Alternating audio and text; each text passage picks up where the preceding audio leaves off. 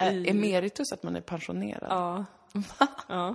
Varför heter det inte bara pensionerad professor? Professor pensionerad. Professor emeritus låter väl lite mer, eh, men det låter som en djurart. Jag tror att de vill vara kanske en, en väldigt sluten grupp. Det är typiskt akademiker att ha ett svårt ord till och med för att bara vara gammal. Ja.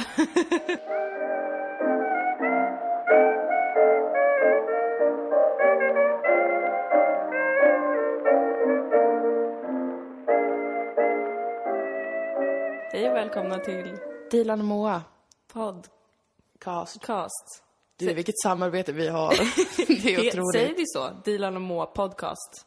Är det det vi heter? Aldrig gjort det innan, men nu tror jag att det är så. Jag tycker det låter så otroligt eh, professionellt. Mm, podcast. Jag tänker bara säga så här, välkommen hem till mig. Ja, det är så himla mysigt att vi kan vara hemma hos dig och spela in nu. Ja, jag tycker det också. Jag är så himla glad och tacksam att jag har ett mysigt hem. Vi har ju inte ställt upp madrassen nu, borde jag göra det? Jag tror det är lugnt. Jag tänkte att mitt nya vackra trasiga skåp. Mm. kommer 3000 kronor, Moa. Oj, oj, oj. 3000 kronor kostade det. Ja. Det, En present är det dessutom. Det, det är det. Ja, visst. Vad kul. Det är fint. Och det tar jag sönder. Men det är ett IKEA, alltså att man skruvar ihop det via IKEA, eller vad säger man? Du fattar vad jag menar? Ja, Mm. Då blir det alltid så. det är så jävla svårt. Jag tycker det är orättvist av Ikea att hålla på och... Mm. Ja, och det är också en sån sak, om det är den allmänna uppfattningen. Alltså alla skämt om IKEA är ju så att man köper hem något och så går det inte att sätta ihop. Det är liksom en erkänd sanning. Man kanske skulle ta till sig av det Ikea. Precis, kanske IKEA att ni skulle kunna titta lite, se över det lite. Se in er själva Kanske bygg möblerna åt oss. Ja, kanske. kanske. testa det någon gång. Kanske låta hela personalen testa och bygga alla grejer som ni har. Precis, och sen eh, kan vi få komma dit och köpa det som kund. Jag blir alldeles tokig. Vad sägs om den idén, IKEA? Vi är öppna. Kör bara. Lite tips. Hur mår du i detta Jag- liv? Jag mår, bra, jag mår ju bra, va? Det har vi ju gått igenom Ja. i den här podden. Ja. Det är ganska nice just nu. 2016 är ditt år. Ja, men jag tror det. Nej, gud. Får inte, Nej, vänta, ta ett rör. får inte jinxa det, men alltså jag har haft PMS den här veckan. Och det har varit... ehm, det har varit ett äventyr, Ja. skulle man kunna säga. Det är så intressant att vi inte synkar. Nej, Men det här har vi det talat om tidigare, att det nog kan vara for the best.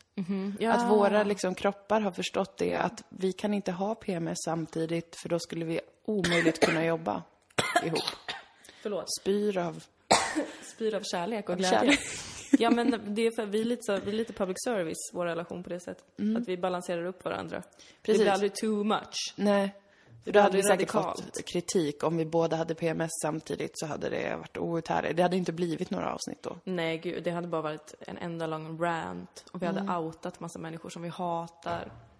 Ja, för jag är ju nu i den underbara fasen av cykeln som är efter, så att säga, den röda floden har sinat och lugnet sänker sig över kroppen.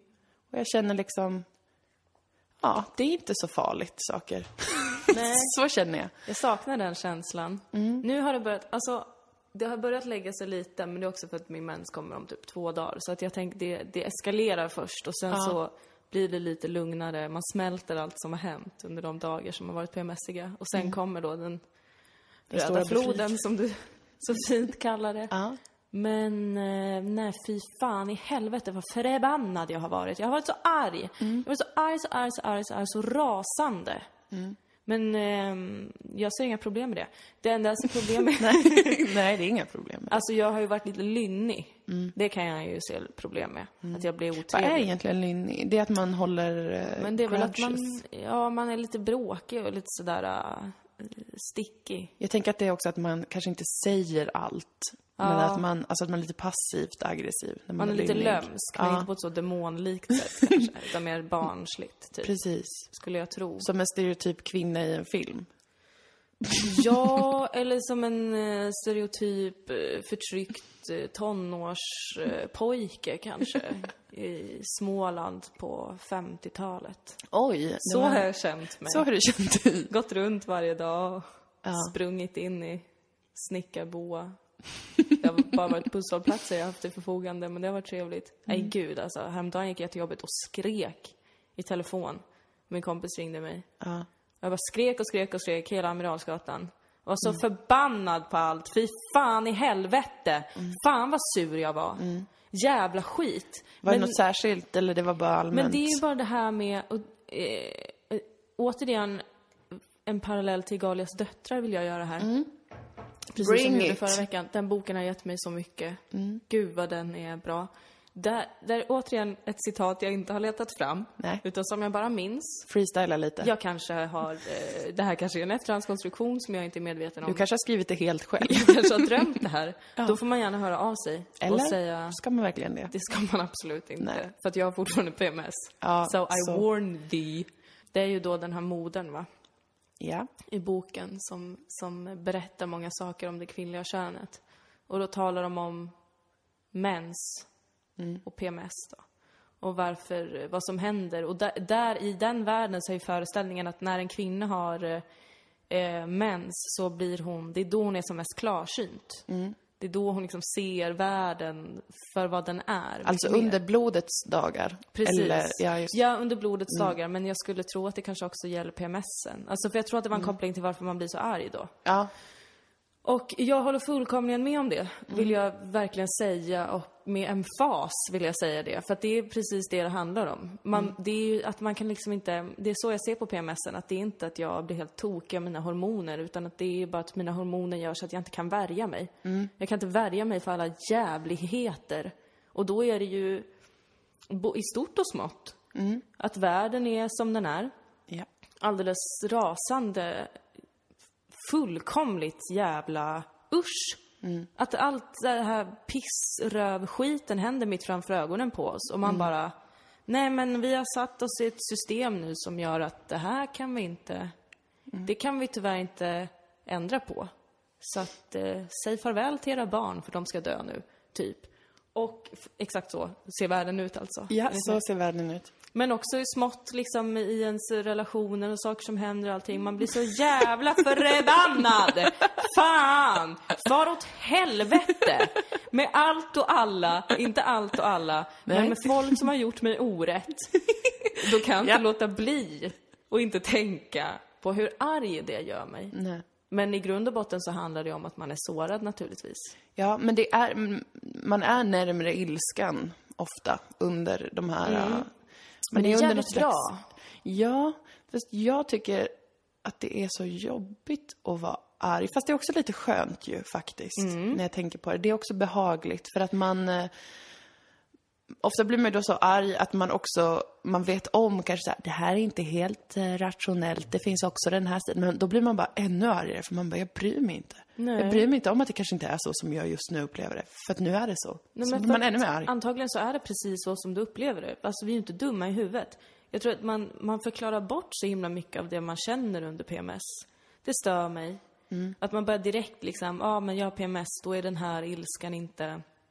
Den här ilskan står inte för någonting egentligen, eller den här sorgen står inte för någonting. Mm. Det är bara ett virrvarr i mig som jag inte behöver bry mig om. Men ofta så kan man ju koppla det till jättekonkreta saker. Ja, precis.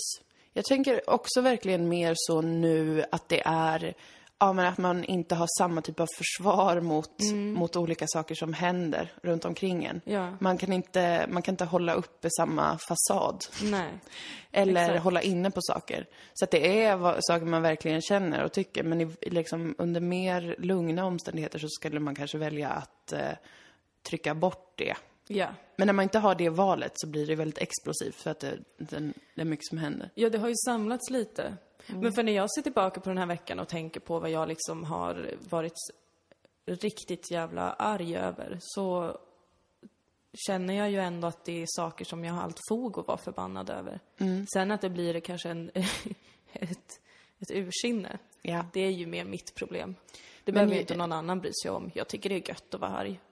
Ja, jag tycker också att det är inte så himla farligt egentligen Nej. att vara arg.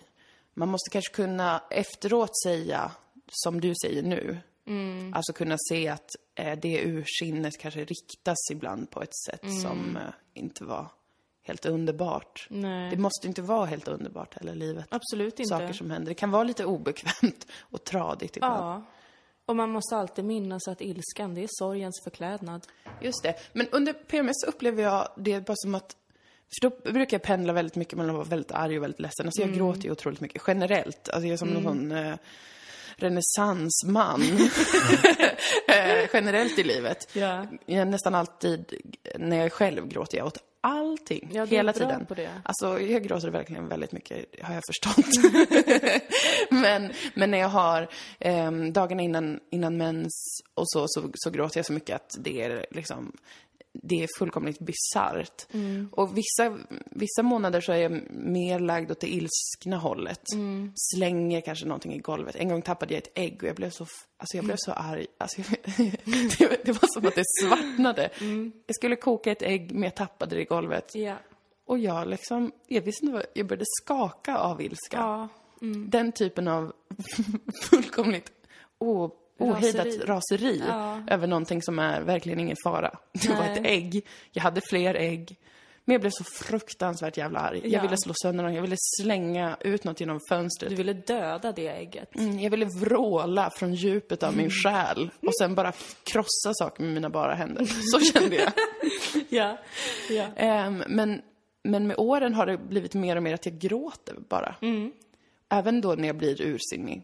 Så bara lägger jag mig ner och så gråter jag istället. Ja, men vad, vad föredrar du? För att något måste du ju ha. Något av det måste det vara, men jag föredrar nog kanske ändå att vara, känna mig ledsen. För det är ju inte heller att vara ledsen, ledsen, utan det är ju ett starkt vemod över sakernas tillstånd. Det, det är nog ett bättre ord faktiskt. Och så söker jag ju upp saker att gråta till väldigt ofta. Alltså, Det gör du på ett konstigt sätt. Mm, nu, jag, jag hade ju mens just precis. Ja. Och innan det hade jag en väldigt känslomässigt varierande tid. och då kollade jag väldigt mycket på vid, Youtube-videor där eh, barn sjunger i kör. Alltså det, och det här är inte ett normalt beteende, för jag gillar ju inte barn. Nej. Fast alltså jag älskar ändå barn. Ja. Men, men jag gillar inte barn. Nej. Inte som underhållning. Nej, nej, nej, jag gillar absolut inte när barn sjunger. Jag blir arg när jag tänker på att barn Ja. sjunger, för de sjunger fult. Och det stör mig när barn sjunger. Okej. Men så hade jag en sån stund där jag liksom, eh, jag hade läst om, om eh, El Sistema, som är ett eh, projekt där eh, fattiga barn sjunger rykte i ögonen Ville du av börja gråta? oförstånd. Jag trodde du ville börja gråta. L-systema var för något. Vad, förlåt, vad är det för något du? Nej men det, det, det började i Venezuela på 70-talet, en, en musiker som ville att barn skulle få ta till sig och spela klassisk musik och sjunga i kör. Även Nej men fattiga vad barn. Mm. Och nu är det jätte- jättemånga tusen miljoner barn som är med i det. Från förskolan och uppåt. Så Gud, övar man mysigt.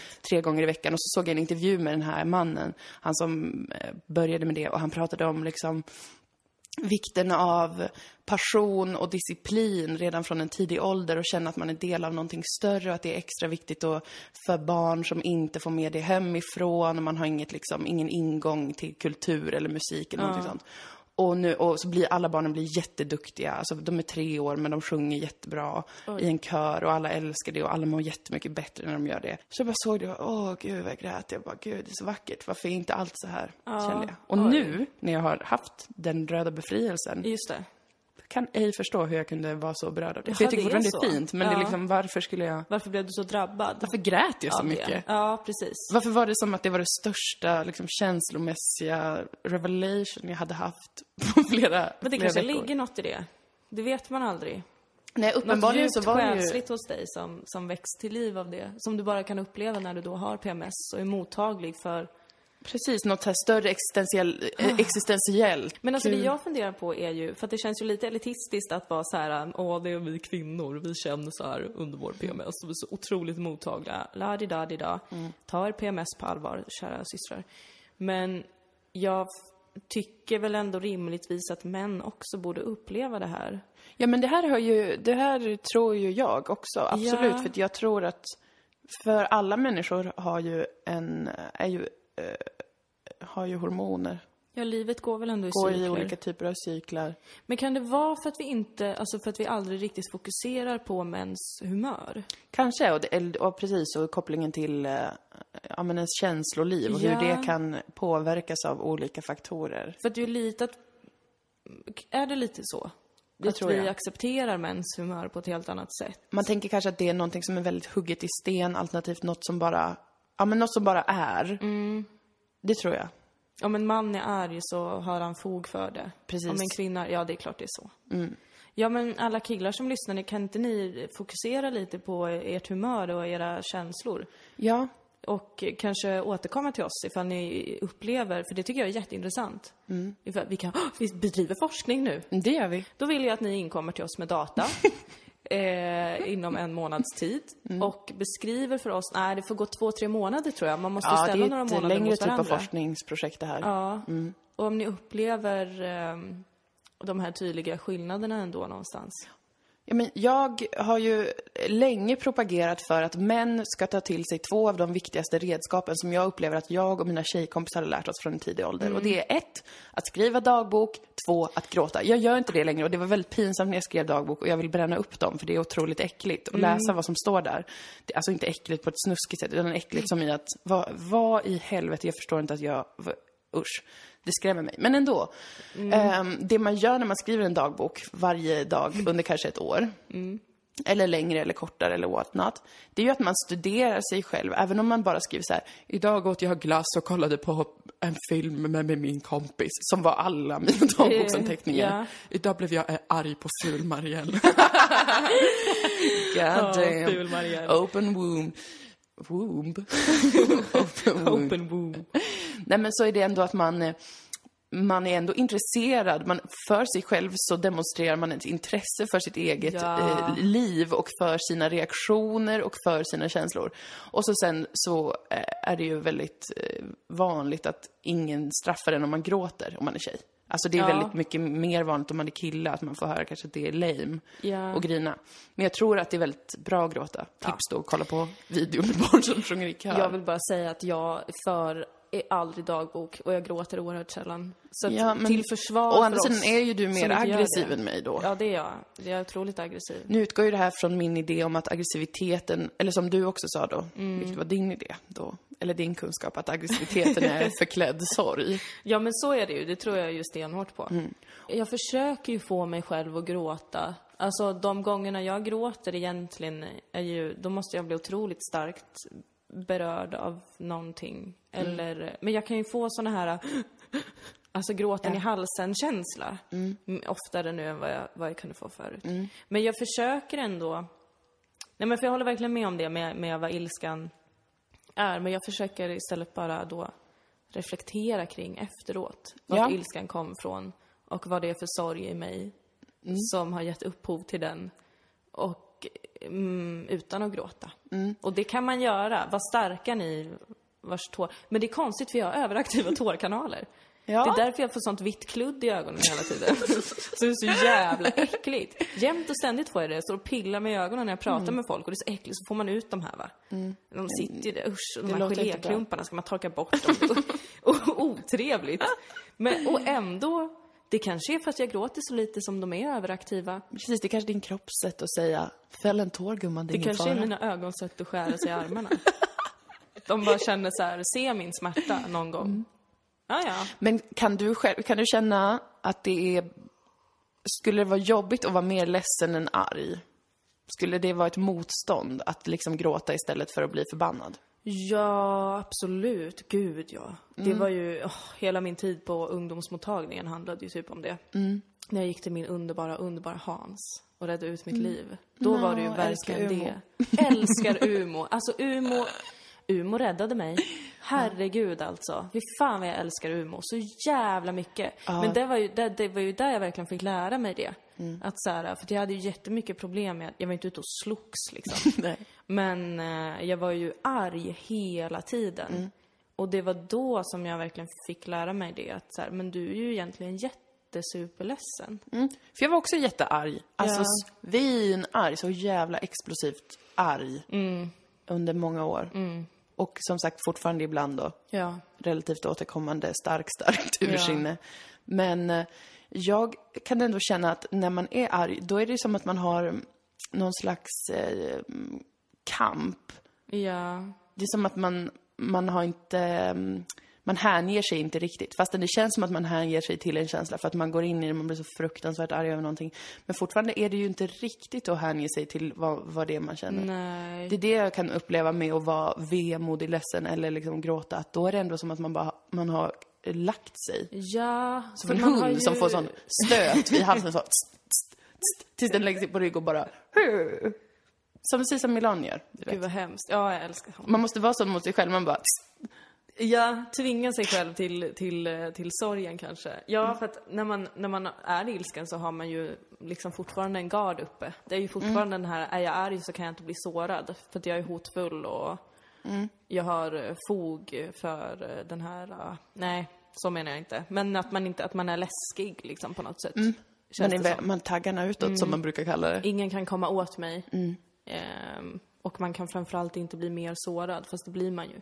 Precis, det är väl det som är liksom lite grann problemet då. Ja, Att man och man tänker- blir ju arg på sig själv också. Ja, Så det kommer jag ihåg mycket, att, att jag la mycket skuld på mig själv för att jag blev arg. Mm.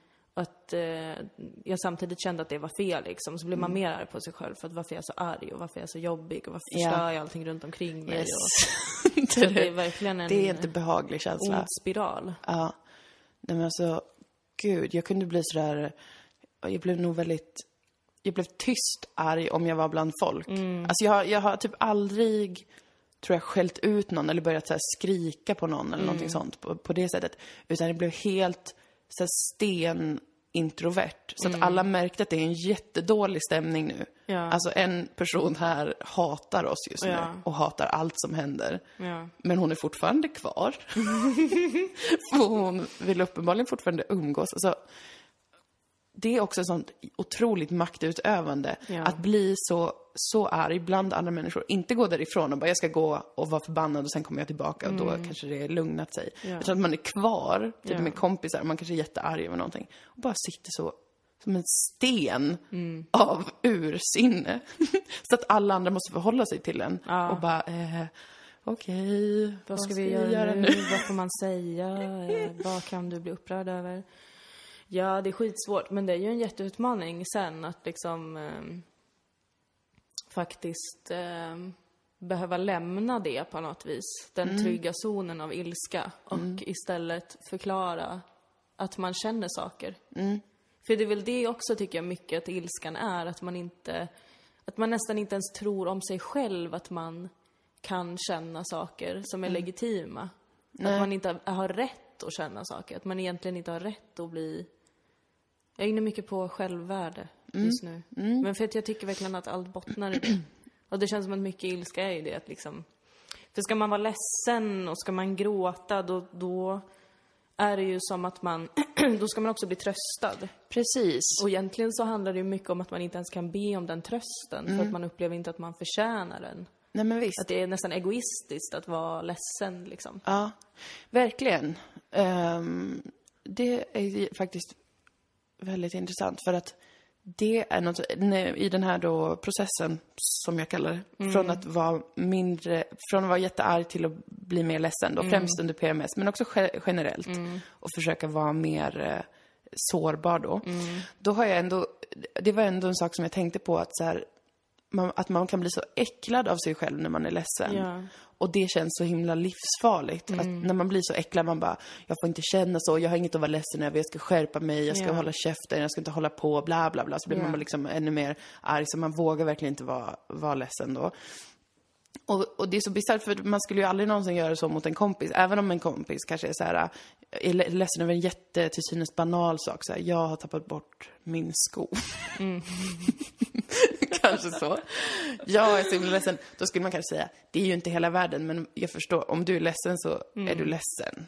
Du får vara det, skulle man ju säga. Man skulle inte säga så här, din jävla sophora. Ja. Skärp dig, res dig upp. Jag tänker, jag tänker slå dig på käften om du fäller en enda Sluta tår. gråta och gör något nyttigt. Odla en bananplanta. Ditt jävla offer. För helvete. Folk har det värre än vad du har det. Alla har det värre än du har, du har ingen rätt. Nej men så skulle man ju aldrig någonsin göra för att man, med andra så vet man ju att det man har olika känslor och man får Ja. ha det. Det är inte så himla big deal. Man gör ju att vara ledsen till en sån otroligt big deal om, man, Ja. inte, om man inte får vara det för sig själv. Men det där är så himla viktigt. Det är, faktiskt, det är fan det viktigaste som Mia Törnblom har lärt mig. Mm. Det var bara av, på, av eh, nästan eh, misstag som det hände. Jag sk- kommer ihåg att jag skulle göra något på... Åh, kaffe, kaffe. Tack kära du. Jag skulle göra något på, på jobbet. Och så skulle jag då klippa in eh, Mia Törnblom. För att jag har alltid tänkt att så här, hon är väl typ en rolig karaktär, du vet. Man vill bara klippa in något roligt citat för att förstärka ett skämt. Ja. Så kollade jag på lite YouTube-klipp med henne och fy fan vad hon äger alltså. Hon äger så jävla hårt och hon, fan det drabbade mig när hon pratade om det. För jag hade aldrig tänkt så innan. Hon var ju, hon pratade om exakt det. Så här, skulle du någonsin göra så mot en vän? Mm, det är ett klassiskt grepp. Ja, Som ändå är bra tycker jag, för att, det är så jävla för bra. att man förstår hur stor skillnad, alltså liksom hur faktiskt, hur, extremt hård man kan vara mot sig själv. Faktiskt, det tycker jag är Hela själv, tiden är man hård mot sig själv. uppskattar. Och ändå, och för då hade jag liksom gått runt och var så här, men själv är bästa vän och att älska sig själv i början på en livslång romans. du vet, så här, man hade alla de grejerna. Broderat. Visst, tatuerat i svanken. så att jag bara kunde känna det men inte se det. Och, eh, men att den biten liksom alltid hade fattats på något vis. Att så här, okej du ska också känna med dig själv. Och du vara snäll mot dig själv. Och ta hand om dig själv. Som en vän. Det är jättesuperviktigt. Det är faktiskt det. Men det där tycker jag också är intressant med, alltså när man har varit så som, som vi båda ju har varit när vi har varit yngre och som jag tror att säkert många har varit när man har haft olika saker som har varit svårt i livet och så. När man har levt med den ilskan liksom. Och förstått att okej, men den här ilskan är extrem och den är ett, tecken på någonting annat och så ska man försonas med det och man ska lära sig att vara ledsen och lära sig att prata om sina känslor och liksom sluta tänka logiskt och rationellt kring sina känslor. För det går inte. Känslor har ingenting med logik att göra liksom. Att sen då ändå kunna vara arg. Ja. Det är precis lite samma som vi har pratat om tidigare med att efter att man har varit eh, deprimerad eller bara lätt deprimerad, att kunna vara ledsen utan att tro att man ska falla tillbaka i något. Att sen kunna också vara arg. Och känna att man har fog för att vara arg. Och inte känna hela tiden att så här, nej men den här ilskan är, den är bara tecken på något eh, som är precis. sårat inne hos mig. Utan att faktiskt då tillåta sig också att känna att nu är jag förbannad. Ja. För det här är fel. Eller exakt. du har gjort mig orätt. För det finns ju verkligen verkligen situationer där man, där man bör vara Ja, arg. man har all jävla rätt att vara förbannad.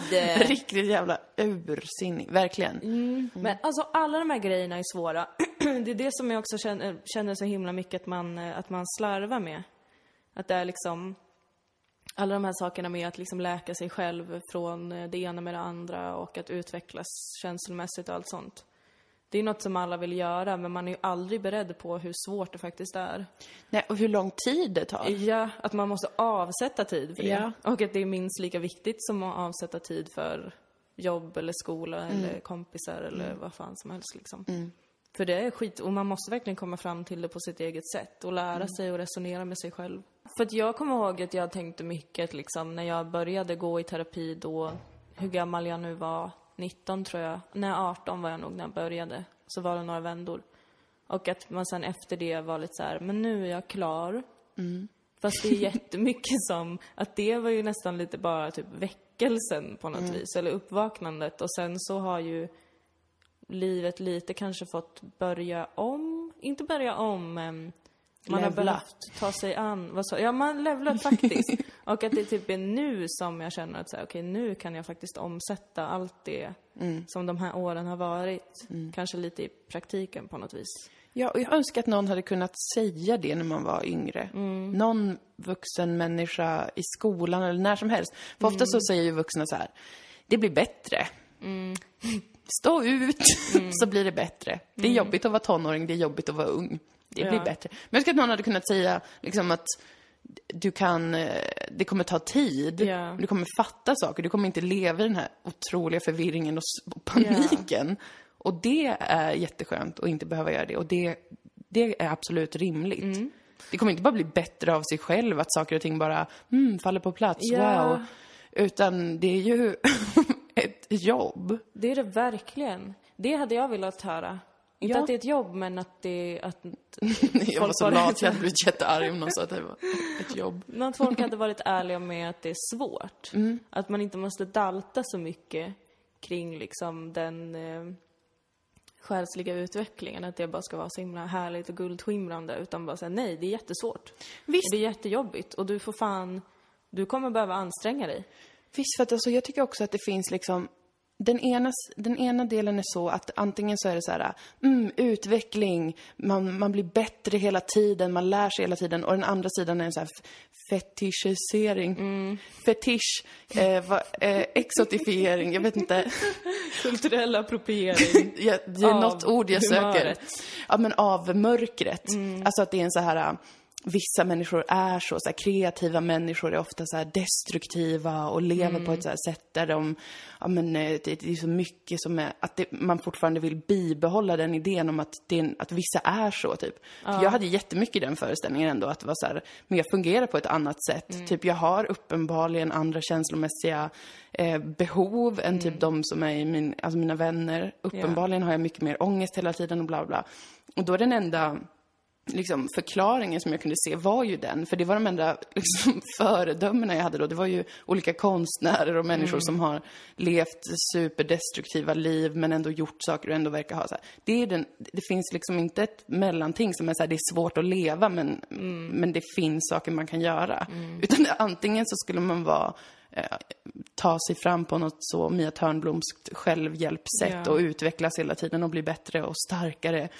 Eller... Så man kan bli produktiv? Precis, man kan bli, vara en effektiv, funktionell mm. människa som någon gång också blir klar med sig själv. Mm. Eller så ska det då vara att man ballar ur och dricker två sexor whisky till frukost och sen ja. målar någon bild och går ut och skäller på någon och är helt tokig liksom. Att, att det är också en att det uppenbarligen finns ett intresse av att bibehålla den idén. Mm, det där är också intressant. För att nu när man, eh, när vi, vi ändå jobbar konstnärligt och man stöter på andra människor som jobbar konstnärligt så märker man ändå att det finns väldigt många som själva lever med den föreställningen. Mm.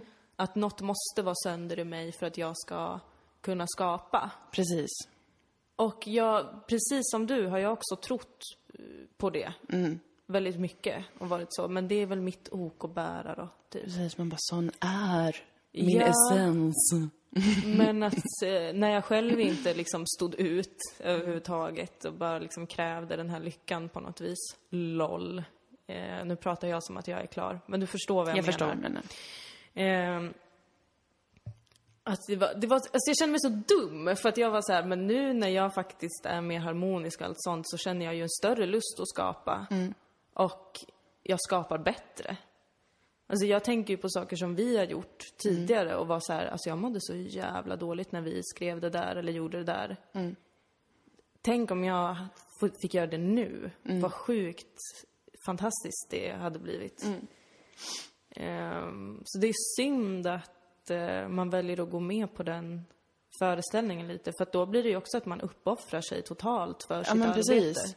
Och att man liksom, att man ska ge det till andra på något sätt. Att ja. det är inte för ens egen skull då, utan det är för, för någon slags samhällelig bild ja. av vad typ en, då en kreativ person som jobbar med kreativa saker till exempel obs, jag vet inte om jag gör det. Jo, ja, men du förstår ändå. Jo, men det gör, att, det är du ju. Men att det ska, att det är liksom bara för att det är så härligt för andra att titta titta på mm. när någon så ballar ur. Mm. Någon som håller på med teater eller musik. Alltså att det ska vara att det är som djur på ett zoo som ska yeah. gå runt och psyka ur och så sen så ska alla andra tycka att det liksom är ändå lite härligt och lite yeah. gooey och ändå mysigt att få titta på och känna att man själv är liksom under kontroll och en mm. människa som är i ständig förbättring och så ska de här personerna då eh, vara bara en projektionsyta för, yeah. för massa föreställningar om vad människor är och inte är och så vidare. Yeah. Och det, det har jag mer och mer känt att, för att det går också emot min idé som, eller hur jag tänker att det är att vara människa. Och det är att det är jättesvårt och att mm. alla är ganska förvirrade och ledsna mm. på olika sätt. Och sen tar det sig olika uttryck och sen kan man vara mer eller mindre anpassningsbar till olika ja. situationer. Och om man inte är det, alltså att man, man ballar ur och man blir tvingad att göra olika saker och sånt, ja. så, så kanske man också eh, under perioder är mer destruktiv för att man hamnar utanför sammanhang och så vidare. Ja. Och det är liksom ett, en konsekvens av det förstås. Men, mm. men att det inte är någonting som man, som man är eller måste vara för den delen. Ja, men för att livet är ju i grunden svårt. Exakt. Du behöver inte göra det värre. Nej, men... För att de här destruktiva perioderna kommer ju fortfarande finnas, för att vi är alla människor. Mm. De här fruktansvärda tiderna av eh, sorg över vissa saker kommer ju alltid finnas. Mm. Um, något behöver liksom inte vara trasigt i en för att man ska uppleva det och sen kunna i de bättre perioderna då liksom omvandla det till konst. Om det är det man känner att man behöver göra med livet liksom. Men jag tror man blandar ihop eh, verkligen destruktivitet med förnuftslöshet. För att det är också något, det, det, det, det tänker jag också mycket på, att det är det man kopplar samman med liksom kreativa människor som också står ut på något vis. Att de saknar, de saknar det här förnuftet som vi gemensamt har kommit överens om. Alltså det är ju en fråga om moral egentligen på något vis. Att man eh, upplever det som att de är helt tokiga för att de inte, de inte kan på något vis gå med på men alla de ramar som vi gemensamt har satt upp liksom. Och jag tycker verkligen att de människorna behövs för att annars så skulle ju världen aldrig förändras liksom. Men att det då, eftersom att det är en fråga om moral oftast eh, kallas för destruktivitet. Eller åtminstone i början tolkas som något felaktigt och går över då i destruktivitet till exempel. Och sen accepterar man den destruktiviteten. För att det är ju så de är. Det är en svår sak detta. Apropå det här, jag vet inte om det är helt orelaterat. Shoot. Igår så eh, slog jag mig ner och eh, det var det sjukaste någonsin. Jag läste, jag öppnade upp eh, en bok jag har. Var jag nu har lagt den. Rättegång 1. Okej. Det var alltså en bok från min studietid. Ja. Eh, om då processrätt, liksom domstolar och det dömande väsendet och allting. Ja. Och den här, åh gud vad det slog mig hur fruktansvärt opedagogiskt de här böckerna är skrivna. Och att man absolut inte, om det är någon som lyssnar som är under 25 och funderar på att läsa juridik, gör inte det. För det kommer inte gå. Alltså det är verkligen det värsta man kan göra mot sig själv när man är ung. Det ska man, det, man ska inte läsa det för tidigt. Men då har den här då författaren någon lång harang kring eh, liksom det dömande väsendet och rättsskipningens funktion och bla bla bla och gör, drar paralleller till primitiva samhällen, vad nu det är. Det hade han en väldigt lös uppbyggd fantasi kring vad ett primitivt samhälle är. Ehm, men att man ehm, i de här kulturerna då, vad ska man kalla dem? Vad är ett bättre samlingsnamn? Kanske naturnära kulturer som inte har deltagit i liksom eh, digitaliseringen och elektroniken att rättsskipningen som den ser ut där ehm, är så att man har liksom, eh, man samlas, hela det lilla samhället liksom. Sen finns det väl någon äldre vis person som ska ha någon slags dömande funktion ifall någon har gjort någonting fel och sen så det som man då drar på sig är liksom skammen från de andra. Ja, ja. De andra som ser på en och vet att man har gjort fel. Och, och sen får man någon form av straff säkert. Men att det är just den här äh, skammen som är eh, Det är det värsta. det, det som fungerar. Ja. Att det inte är straffen i sig som fungerar eh, att styra upp en moral, utan att det är skammen då. Vad fan var det jag var inne på? Varför, hur kom jag in på det här? Jo, att vi är för många. Ja, och, men att vi har liksom eh, på något vis institutionaliserat det här. För att vi egentligen har ju rättsskipningen samma funktion i de samhällena som i det här samhället. Att vi formar någon slags moral och vi formar en skam och vi formar en skuld kring vissa typer av beteenden. Ja. Men att vi är så jävla många nu. Att vi måste liksom bli, ha handläggare för det. Och vi måste gå in i ett, ett rättsväsende där främlingar ska hålla på och ta upp vad man har gjort för fel och dela ut straff och döma en. Istället för att det är liksom hela ens familj och alla Hela man hänger med. kvarteret. Ja, hela kvarteret samlas och bara, vad fan Vad stal du den där där? grejen för? Det var väl jävligt dumt. Nu går du och ber till den här guden. Det vill säga rannsaka dig själv. Vilket kanske är det mest utmärkta man kan göra i en sån situation egentligen. Ja. Men det är för att vi är för många. Vi har inte tid. Jag tror verkligen att vi måste slakta Oj. halva. Jag har ingen koll på liksom hur många procent som ska bort. Nej. Men det tror jag att vi Men du måste... vill att fler ska bli så destruktiva och knarka ihjäl sig? Det kanske är det bästa, då behöver man inte vara så vidrig Får vi och- jättemycket bra konst också? Ja, gud vad mycket bra Kultur, konst. vet du. Det Visst. kommer produceras musik och Ja. alla bara... Och alla som är kvar kommer ju vara så himla drabbade av det som har hänt. De här kanske 10 procenten av mänskligheten som då fortsätter. Att de kommer också skapa jättemycket bra konst. Ja. Och Men se in i sig själva. Just det, men till slut kommer ju alla då ta en överdos.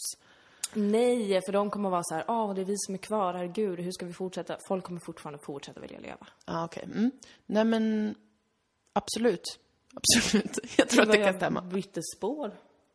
Ja, ja, ja. Mm. Nej, men det var, det var on the same note. Mm. Jag känner mig lite, lite bakis som att jag inte vet vad jag har sagt. Men det känns som att jag har sagt så mycket som jag ej vet vad det är jag Jag tycker vi har haft ett underbart samtal. Mm, men vad bra, det ska bli kul att höra sen. Det ska bli väldigt kul att höra. För jag har som sagt ingen aning om vad jag har sagt. Spännande. Very exciting. Ska vi eh, gå vidare till en liten del av eh, World Wide Web? Ja. Yay! Det ska vad vi ska vi sjunga gingen eller vad har vi? Nej. Nej. En liten del av. World Wide Web. Nu är det dags för en liten del av World Wide Web. World Wide Web. Men man vill sjunga den varenda gång. Jag är ledsen. Dagens- Vad har du till oss? Eh, jag har ett klipp på Youtube som jag tittar på regelbundet. Mhm. Jag har en liten Youtube-kanon med mina bästa Youtube-klipp. Yes. Som skänker mig glädje, ibland sorg. De skänker mig mening, struktur och annat som jag behöver i livet. Och eh, den här veckan som har gått så har jag liksom varit ganska lugn. Det har inte varit några större berg och dalbanor känslomässigt. Det är inte så mycket som har hänt. Men jag har ändå känt ett behov av att titta på ett särskilt klipp som finns på Youtube som är en man som sjunger. Och det är ett så, det är ett så, det är ett klipp som är så mycket mer än vad man förstår att det är. Okej. Och det är en man som sjunger låten Looking for City, som är någon slags kristen eh, låt. Och han är, de är i någon, någon sorts kyrka. Och han inleder med att berätta hur bra det har gått att sjunga den här låten. Okej. Eh, otroliga samarbeten han har gjort. Och han säger också att han vill inte skryta, men det är bara så det är. att det har just det. gått väldigt bra. Ja. Sen ska han framföra den låten inför en publik. Och redan direkt från början märker man det här, Hans definition av bra är ja, nästan performance art. precis. Alternativt att han hade väldigt otur för att det är osynk med den som spelar piano och den som spelar piano fortsätter spela och han försöker säga liksom, va? Nej? Och så försöker han ändå sjunga Ja. med lite och det, det är liksom fel direkt från början.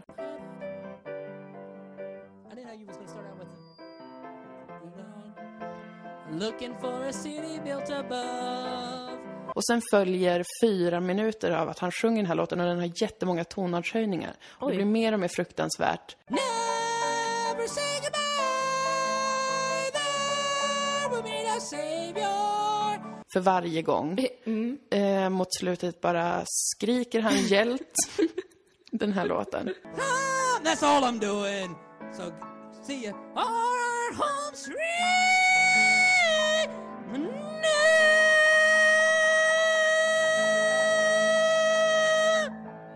Och det här tycker jag är ett otroligt vackert klipp som man kan titta på.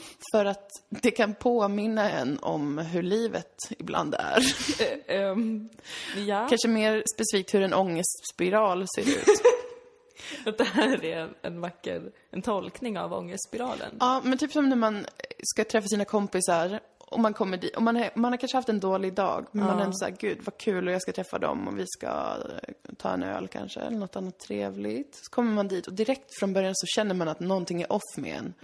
Man vet någonstans, jag kommer inte kunna vara, jag vill vara trevlig och rolig och härlig, men jag kommer inte kunna vara det för någonting har inte klickat i mig idag. Ja. Så att man är redan från början lite fel ehm, i sig själv. Man, ehm, man vet. Man liksom. vet, Jag borde egentligen bara gå hem Ja. nu egentligen och, och sova, men man vill ändå vara med. ja, man vill inte missa något. Nej, man har ändå skapat ett sammanhang med Visst. vänner som man vill träffa. Och Man liksom, har vänner överhuvudtaget, vem vet Precis, man bara, det är inte att skryta men jag har det. Jag har tre Så är det kompisar, bara. så är det liksom. Och så påbörjar man eh, ett starkt försök. Mm. Och så kan man inte dra sig ur. Nej. För att man liksom har ju ändå gett sig in i det. Och det är konstigt att gå hem direkt när man har kommit. Exakt. Så man fortsätter och fortsätter och fortsätter. Och till slut märker kanske ens vänner att så här, du är... Du skriker just nu. Det här är Eller tvärtom, du sitter sång. tyst. Du har blivit tystare och tystare.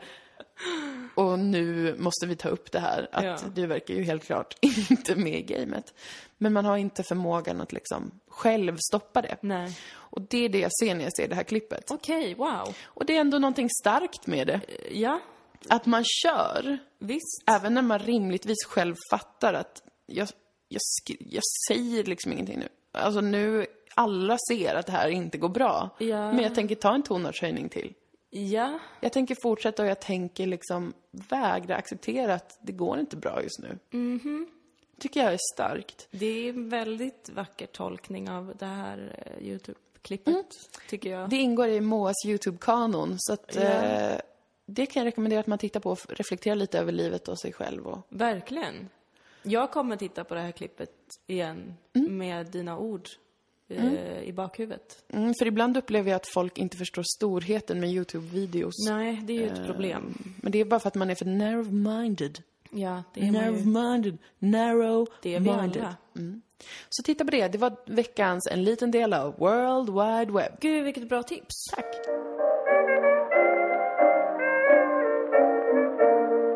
Jag eh, har funderat om, om jag... Eh, om det här ska bli en punkt.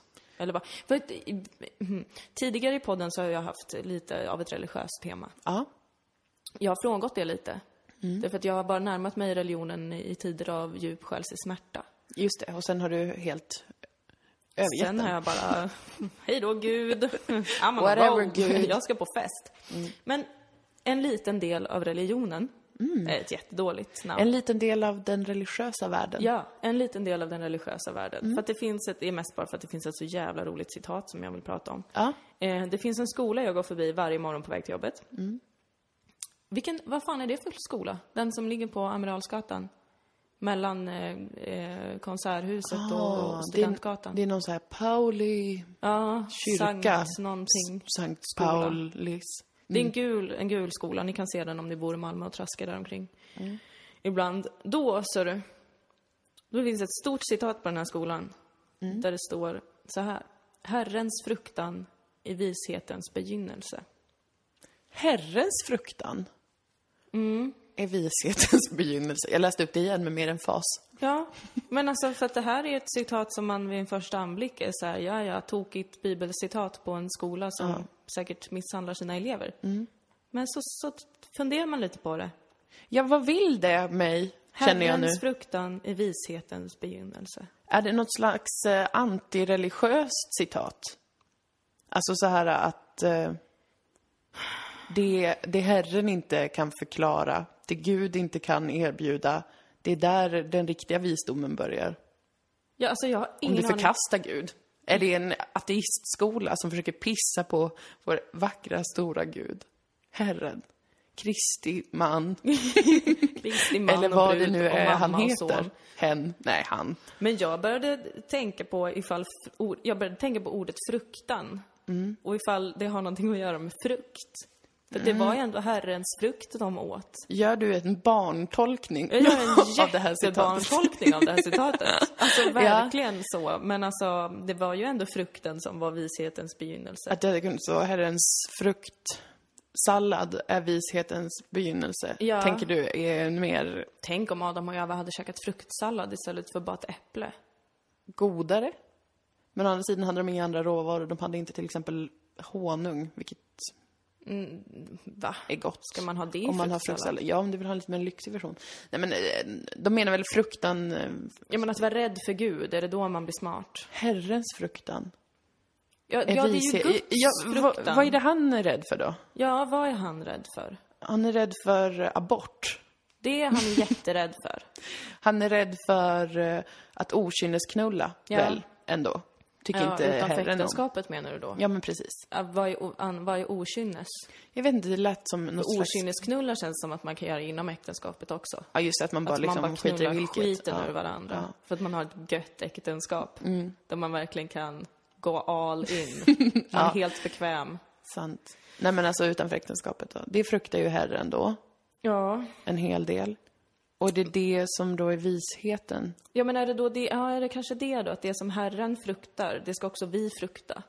Och det är där i som visheten ligger. Att när vi vet vad vi bör frukta, Mm. så vet vi också mer om livet. När vi alla hatar abort, då, då. Då. är vi äntligen visa Det är då vi kan komma någonstans. i samhället. Visst. Jag vill veta vad de menar. Sluta ha ett så kryptiskt citat, skola i Malmö. Men då, varför har man det på en skola? Det tycker jag är jätteopedagogiskt. Att små, små barn, jag Ja. vet inte hur gamla de är på den Inte där jag skolan, men de ska gå och varje morgon ska de säga att Herrens fruktan, det är vishetens begynnelse. Jag Ja. blir rädd av det här citatet. Jag känner mig också rädd, för jag förstår det inte. Varför är Bibeln så himla läskig? Varför är kristendomen så otroligt läskig? Men jag vet... Jag säger inte att kristna är läskiga. Nej, men det är mycket som är sådär... Uh, som en tankenöt som skrämmer en. Ja. Inte för att det är en tankenöt, utan för att man bara känner det, no- det vill mig någonting. Men det är konstigt för jag hade massa tankar kring det här citatet men nu kan jag inte komma på vad det var jag hade tänkt kring det. Det kanske har lämnat mig.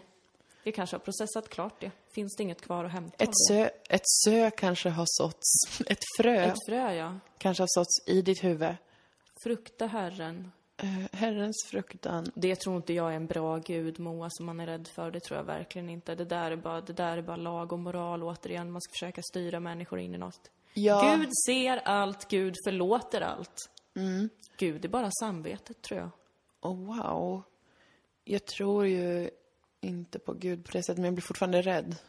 När jag hör att Gud vill något eller är liksom arg eller att eh, man måste vara... Ja, jag Men det Gud känns... är dum i huvudet om han ska gå runt och bli arg på saker. det tycker jag också. Det här har vi Sluta pratat hetsa om, upp dig. Gud. Ilskan är bara sorgens förklädnad, Gud. Exakt, testa ligga ner på sängen och gråta lite över eh, en orkester med fattiga barn som har lärt Ja. sig spela jättebra. Du istället för att bli så gråta. jävla arg. Visst, du har ansvar för jättemycket, men du har också rätt till känslor. Du känner säkert mer än alla oss, du som är så Skriv kreativ. dagbok, din gamle stofil. För i helvete och sluta ta ut olika typer av aggressivitet på, på folk. Ge dig. Gud blev superdumpad av någon och skapade jorden. Och sen går Gud runt och tror att han måste vara destruktiv och ledsen för att kunna skapa saker. Nej, du kan också pinsamt. vara lycklig. Ja, du kan väl lyssna på våran podd och höra vad vi säger. Ja. Våra, våra otroligt visa ord som handlar om att du kan skapa utan att vilja dö. Ja. Ja. Bli sams Gud. med Adam och Eva. Det var ingen big deal. Och det var ingen big deal. också med ormen. Ja, vad har ormen ens gjort? Det är en reptil. Ja. Vad begär du av en reptil? Och den gjorde bara reklam för riktigt schyssta frukter. Ja, den var en försäljare. Ja. Gud hatar kapitalismen. Det det är det som vi skulle kunna det läsa in i det? Gud hatar en riktigt bra försäljare. Åh gud. Vad säger du till oss? Så skulle det kunna vara, Moa. Ska vi bygga en, eh, en grening av eh, någon religion som baseras på det? En supersjuk kristen sekt som Den handlar, om att, revolutionära kristendomen. som handlar om att man ska få fängelse om man försöker sälja någonting Ja. till en annan människa. Exakt. Mm. Om man försöker kapitalisera på någonting. Alla får medborgarlön inom den sekten. Det gör vi. Ja, men vi gör Många det. bra idéer idag. Ja, jag ty- ty- det tycker jag verkligen. Very Lite besviken på mig själv att jag inte hade en längre analys kring att Nej, men du, du kunde inte ha det för att det var ett hotfullt citat som ingen människa Det kan var förstå. det verkligen. Jag vill också tipsa alla som bor i Stockholm som eventuellt lyssnar på oss att gå till den skola som ligger vid Norrtull. Det är liksom bakom Odenplan, typ. Gud, jag hittar ju inte i Stockholm. Men Norrtull är jag säker på att det heter det området. Det är, jag tror att den här skolan ligger typ mittemot Cybergymnasiet. Tror jag. Okej. Det är en spännande skola. För den är där, oj oj oj, fasaden full av bibelcitat. Läskiga, läskiga bibelcitat. Wow. Där kan man gå och titta och Freaky. begrunda. Ja. Och säga till ifall ni hittar ett bra citat så kan vi ju ta upp det här i Ja, en liten li- del av en liten den del av den religiösa världen. världen. Starkt. Det fortsätter vi med. Ja, men det är kul med. Det är spännande. Nu, sk- eh, ja, var det det? Ja, det var, det var, ju ingen- bara det. Nej, men det jag var ju inget mer. My world just got bigger, girlfriend. Jo, visst. För jag tyckte det där var ett starkt citat. Det var ett jättestarkt citat. Eh, men då hade jag tänkt att vi ska göra lite reklam. Ja, Men då, för att folk inte ska stänga av, så kan vi också säga att vi kommer berätta ett jättesmaskigt skvaller efter reklamen. Ah! Ja. Ehm, för att den 2 mars, Mm. då kommer vi till Uppsala. Uppsala, hör ni oss? Ni kan inte svara, men Mm. om ni hör oss, kom dit då. Ja, Och köp biljetter för att det här är inte en lögn. Biljetterna säljer redan ganska många Ja. av sig, som man säger. f- vad skönt att det inte är lögn. Jag vet, visst. Dels för att vi kan vara stolta för oss, över oss själva, Mm. Och stolt över Uppsala. som levererar. Mm. Ja, men också att liksom man inte behöver sitta och ljuga när man gör reklam då, som ormen kanske gjorde. Precis. Åh, nu kommer Gud straffa oss. Nej, men tyvärr kostar det ju pengar. Det är ju jättetråkigt att behöva Men säga det är också det. kul för oss eftersom att vi behöver pengar. Så Mm. att därför så, så kan man unna, sig en sån, unna oss en sån biljett. Ja, Och då är det bra om man köper biljett nu i förväg. Jag kan inte säga att jag behöver pengar. Jag har tagit sönder ett skåp för 3000 kronor. Ja, du har ju också... Klart, ja, det var en gåva. Det spelar ingen roll. Nej. Jag Men jag, jag med behöver pengar. pengar. Jag vill åka på valsafari och jag vill helst åka till Island. Här kommer faktiskt. en lögn. Jag kommer ge alla pengar till Moa. Ja, det är en lögn. Mm. För att det vore, skulle kännas konstigt som att, jag, att du köpte mig. Ja, Jag hade inte gillat det. det skulle vara fel. Ja, men andra mars, oslipat Uppsala. På Catalina är det. Hemskt. Är det? Åh, vad roligt! Det, Ja. där, gud vad alla håller på är där. Jag har alltid undrat vad det är för ställe. Jag har varit där två gånger och jag tycker väldigt mycket om det och eh, det ska bli jättekul. Mm. Men eh, köp biljetter och kom dit. Och sen 3 mars så kommer vi vara i Stockholm. Ja. På ett lite mindre ställe som heter Bondenbar. Det är fortfarande klubben Oslipat. Ja. Och där är det också så att biljetterna säljer snabbt. Ja. Och det är fortfarande inte en lögn. Utan, Nej, utan man måste köpa en biljett nu då, om man vill vara, komma. Och det vore vill ju vi. jättekul om ni ville komma, för det är enda gången som jag tycker om att vara i Stockholms stad. Mm. Det är när vi är på oslipat på Bonden bar och kör, för att det är så jävla kul. Det är faktiskt jätteroligt. Mår, mår mycket bra av tanken. Och sen 23 mars, då kommer vi ha föreställningen även i Malmö. Och där kan vi säga direkt att där har inte biljetterna sålt lika bra. Nej. Vad håller ni på med i Malmö? Vad fan är det frågan om? Nu får ni steppa upp ert game Ja, faktiskt. ni, nu får ni faktiskt, ni får köpa biljetter och komma. Varför, varför? Och så får ni komma och vara på bra humör. Ja, det får ni faktiskt vara. För att vi kommer vara på bra humör och det är ju bara tråkigt om, om ni kommer dit och, och så snälla inte hålla på och hångla med varandra hela tiden. Det här har jag tagit upp tidigare i podden. Jag blir så besvärad. Det får ni göra hemma. Det får ni faktiskt göra hemma. Och eh, vi ska även försöka lösa så att vi kan åka till Göteborg. För att jag skulle vilja säga att både Göteborg och Stockholm, de, och även Uppsala knappar in nu i, i, kärleks, eh, i kärlekstävlingen. Ja, som vi skapar nu. Ja, och Malmö, nej, vet ni vad? Får- Men det kanske är för att det är vår hembygd nu, Moa. tror De är det. lite hårdare mot oss och känner så här, Folk tycker att vi är fula sopor Ja. i Malmö. leverera. De känner bara så här, gör någonting annat. Så var För det för Mando. Diao. Ja. Det gick inte alls bra för dem att spela i Dalarna på massa år. Nej. För att de kom därifrån. Sen släppte det det, på Peace and Love 2007. Så att eh, så är Just våra det. liv. Men alltså, nu... Men vi ska ju även ha en eh, live-podd. Ja, det ska vi! Ja! 15 mars på 15 Blå mars. älskade Blå båten. Det är jättemysigt. Det är så mysigt där. Ja, då ska vi... Åh, vet du vad som är äckligt, Moa? Ja.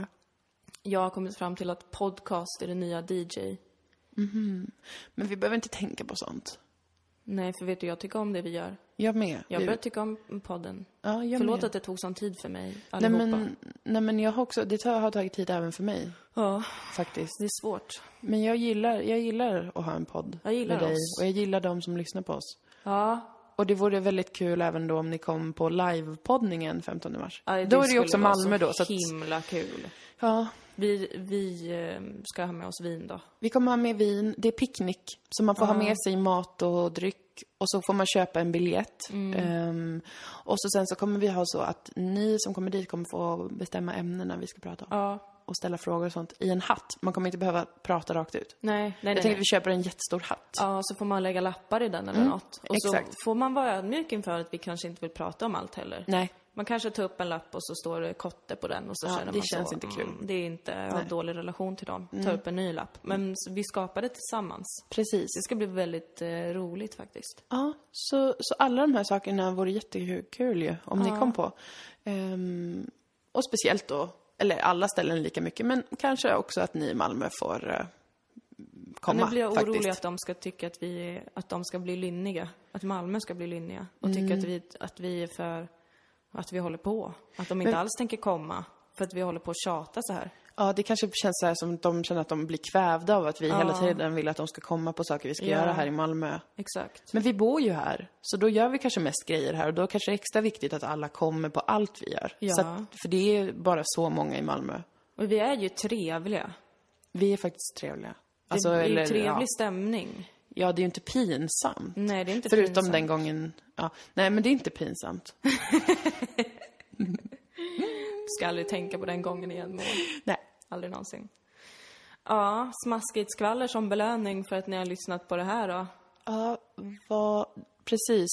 Riktigt gött skvaller. Oh, men jag kanske har något skvaller på riktigt. Okej. Måste fundera. Jag snodde en nödutgångsskylt från eh, ett hotell i Göteborg. Det är inte bra skvaller. Jag har inte vågat prata om det för att jag tror att det hotellet ska gripa mig. Mm. För att de säkert lyssnar på vår podd. Jag hade väl inget skvaller. Nej. Oh. Ehm, jag... Eh, ja, jag har legat med en av Sveriges bästa dragspelare. Wow, där har vi skvaller. Boom! What? Är det sant? Har Dilan legat med Sveriges bästa dragspelare? Det är inte nu så går mycket snacket på stan. skvaller som det är ett skryt. Det är det här berättar jag för alla. Hur, spelade hen, jajamän, dragspel för dig? Nej, tack gud. Ja, för För det varit det är alltid besvärande när män ska spela upp sina saker, för det har hänt andra gånger. Det är så många jag känner som varit med om att män i en sexuell situation spelar musik för dem. En gång visade en man mig bilder på sin telefon. Ja. Och han sa så här till mig, jag har inte alltid sett ut så här, sa han. Och så visade han bilder på sig själv i sin telefon där han var lite mer vältränad. Och allt jag kunde tänka var, vem har tagit den här bilden på dig? Och hur var Men stämningen? herregud, vilken dålig strategi också. Ja, men då sa jag bara till honom att jag är ju, ligger ju redan här naken i din säng. Du behöver inte oroa dig för någonting. Det är lugnt. Nutte. Nu fick ni Nutte. jättemycket smaskigt ja, skvaller. herregud, det var verkligen bara som ett skvaller. Och vet du vad dragspelaren sa? Nej. Han sa så här. Eh, Åh, jag har aldrig legat med någon från Mellanöstern förut. Okej. Då sa jag, åh, jag har aldrig legat med någon från Dalarna förut. Var han från Dalarna också? Ja. ja. Och då skämdes han lite. Mm. Tyckte jag var kul. Det var lite kul faktiskt. Då sa jag, men jag ligger ju redan naken här. Så jag behöver inte oroa dig för något. Det är min catchphrase Det är så alla. du går in bara klär av dig alla kläder, lägger Ja. dig på en killes. Det är ingen fara på taket. Gud, usch vad hemskt. Tänk om någon vet vem det är. För att Men det är väl en bra. jättekul sak att ni har haft samlag? Han var ju Alla människor tycker väl att det är kul när det, folk ligger med varandra? Jag har ju inget hurra, emot hurra. honom. Nej men precis. Nej, bra Nej. person. Jätteduktig också på det han gör. Jättebra på dragspel. Oh, nu, uff, usch. Fick du skvallrets beska eftersmak nu? Ja, det var inget bra. Jag Men tyckte det är som bra. det är. Det är som det är. Ja, ja. Tack för den här podden, Dilan. Tack Moa, det var jättetrevligt. Ja, Vad supertrevligt. mörkt det har blivit i rummet du. Ja, det har blivit. Nu är det kväll. Timmarna flyger. Då Mm. säger vi så här, avslutningsvis också. Idag när vi spelar in är det lördag den 6 februari. Mm. Stort grattis eh, till mitt systerfolk som jag smörar för hela tiden, samerna. Mm. På er nationaldag. Grattis, grattis. Då så. Farväl då. Vi hörs nästa vecka. Ja, det gör vi. Pussy. Hej då. Puss.